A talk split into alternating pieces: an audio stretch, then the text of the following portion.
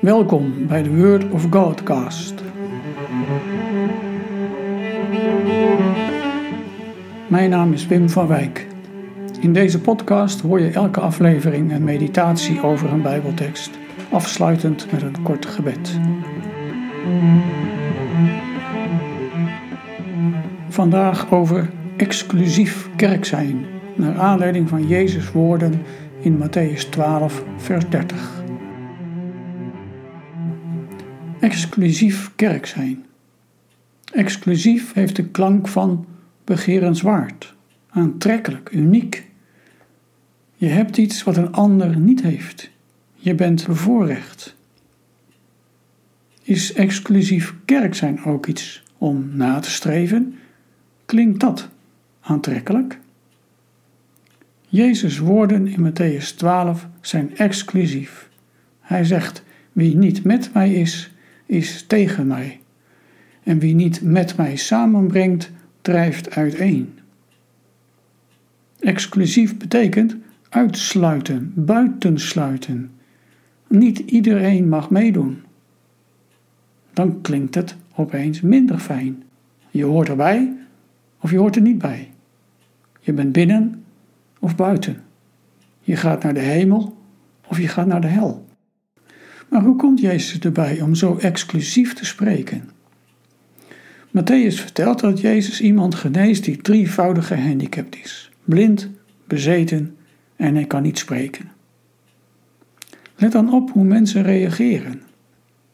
Ze staan versteld en ze vragen zich af: zou hij de zoon van David zijn? De reactie bij de Fariseeën is: hij kan het alleen doen dankzij Beelzebul. Wat Jezus doet, roept de vraag op naar wie hij is, naar zijn identiteit. Komt hij van God of komt hij van de duivel? Het komt er nogal op aan met deze vraag. Want de antwoorden kunnen niet tegelijk waar zijn. Het ene antwoord sluit het andere antwoord uit. Ik vraag jou, wat geloof jij over Jezus die uit Nazareth komt? Komt hij van God of niet? Dat is ook een spannende vraag. En het antwoord ligt ook niet direct voor de hand.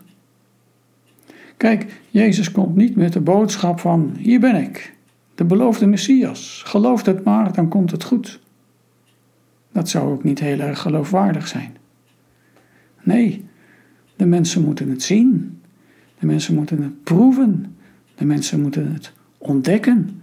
De mensen moeten vragen gaan stellen. Maar dat betekent dus ook dat mensen verschillende conclusies trekken en kunnen trekken. Sommigen vragen zich af: zou hij het zijn? Anderen weren het af. Die man is goed gek. En nog weer anderen zitten ergens tussenin. Wie is hij? Is hij het op wie de wereld wacht naar uitziet? De Messias, de redder van de wereld, die eeuwenlang aan Israël beloofd werd? Geloof je dat er maar één iemand is door wie er heil is voor mensen? De kerk is exclusief in haar boodschap. Jezus van Nazareth is de Zoon van God, redder van de wereld. Wie dit gelooft, hoort bij hem. Wie dit niet gelooft, staat er buiten. Vraag aan jou om over na te denken. Welke conclusie trek jij over wie Jezus is? Geloof je dat Hij de redder van de wereld is?